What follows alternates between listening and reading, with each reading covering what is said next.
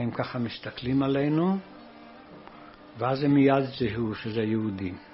והם מובילים אותנו לא הרבה, איזה 200 מטר. אנחנו רואים מחופרת סוללת תותחים סובייטית ארוכה מסביב עגלות עם חיילים ישנים. עומד שם קצין בדרגת סרן, לא יכולת לטעות שזה יהודי. הוא הסתכל עלינו, הוא מיד זיהה אותנו. הייתה מילה אחת בכל מזרח אירופה, בשביל לזהות אם אתה משלנו, יהודי בן יהודי, אם הוא שירת בצבא הרוסי או שלא, הוא שאל אותך עמכו? זאת הייתה המילה. הוא בכה.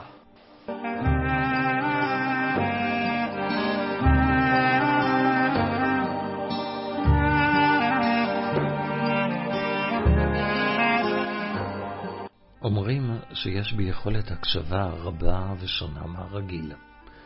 זאת הסיבה שאני שומע, מקליט ועורך הסכתים עם סיפורי העם והארץ, שהן עדויות מזווית אישית של ההיסטוריה הייחודית שלנו. לא מכבר הקמתי את האתר הכל ברשת, אתר הסכתי שמע הניתנים להאזנה ברשת האינטרנט, שמטרתו היא להביא את סיפור השורשים מכל העדות ולהתחקות אחרי כל האירועים שהתקיימו בעם היהודי מראשית הציונות ועד ראשית הקמת המדינה.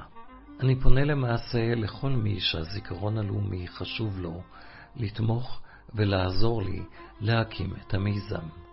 אני מביא כאן לפניכם כמה קטעים מההסכתים שערכתי, ואתם מוזמנים להיכנס לאתר, לבחור הסכת ולהאזין לו, כל זמן שהוא מעניין אתכם.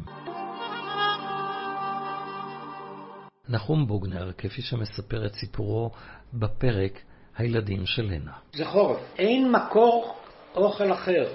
ואז אימא מחליטה לרדת לכפר, לי לא היו אז נעליים בכלל.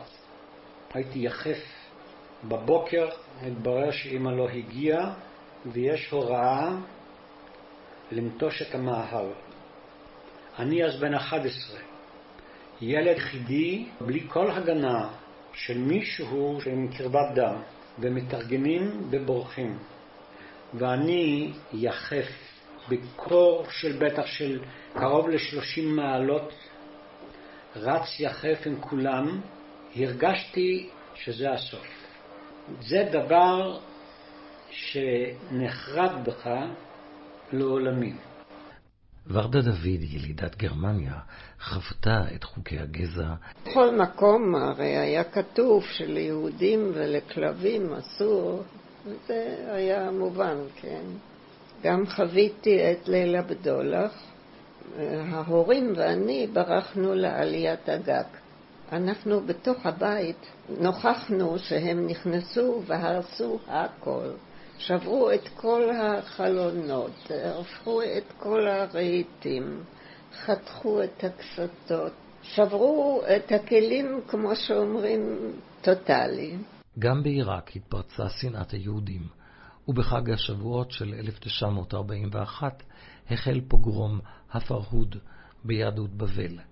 יעקב צמח סיפר לי את זיכרונותיו.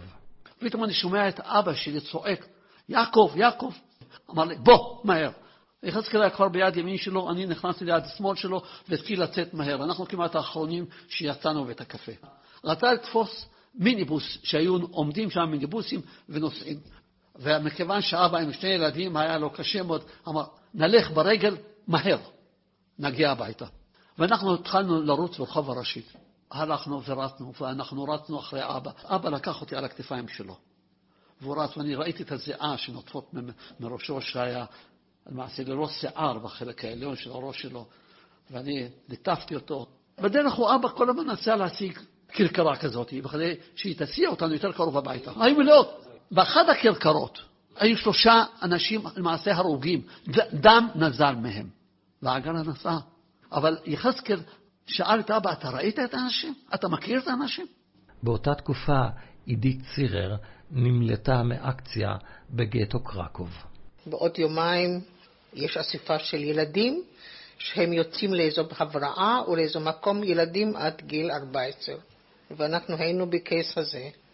ואז אני החלטתי, לקחתי שוב את החבורה ביחד, יצאנו דרך ביוף לצד הארץ. משה חכימי היה ילד שהבין את יהדותו דרך תפילות האסלאם. היהודים בנו איזה מסגד מוסלמי בתוך האזור שלנו. היהודים גרו כולם באזור אחד. ובעשרת הימים האלה של האבל ויום השורה, זה השיא, היו מזמינים איזה שייח' מוסלמי, היה אומר דברי קינה.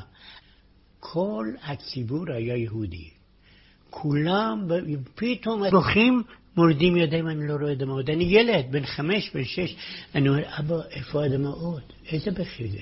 אבא אומר, תשתוק. הוא אומר, אנחנו יהודים, אנחנו מעמידים פנים שאנחנו מוסלמים, הכל זה הצגה. חיים פלד הוא יליד הארץ ולחם במלחמת השחרור. היינו במלכודת בלתי אפשרית. השארנו שם את החללים, השארנו שם שישה או שבעה פצועים שנפלו בשבי, ואנחנו לא היה אחד שלא היה פגוע ואחד עזר לשני. אני עזרתי לבחור, והוא איבד את העין, הוא הלך לכיסא ואני סחבתי אותו. אנחנו צריכים לעבור חזרה בקווי המצרים.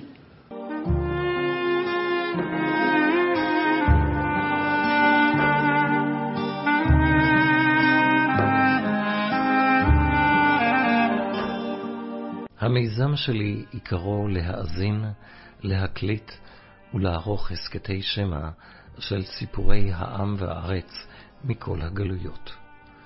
אנו נמצאים בשעה האחרונה בעוד ניתן להציל את קולותיהם, לשמר את סיפורם של דור הראשונים ההולך ונעלם.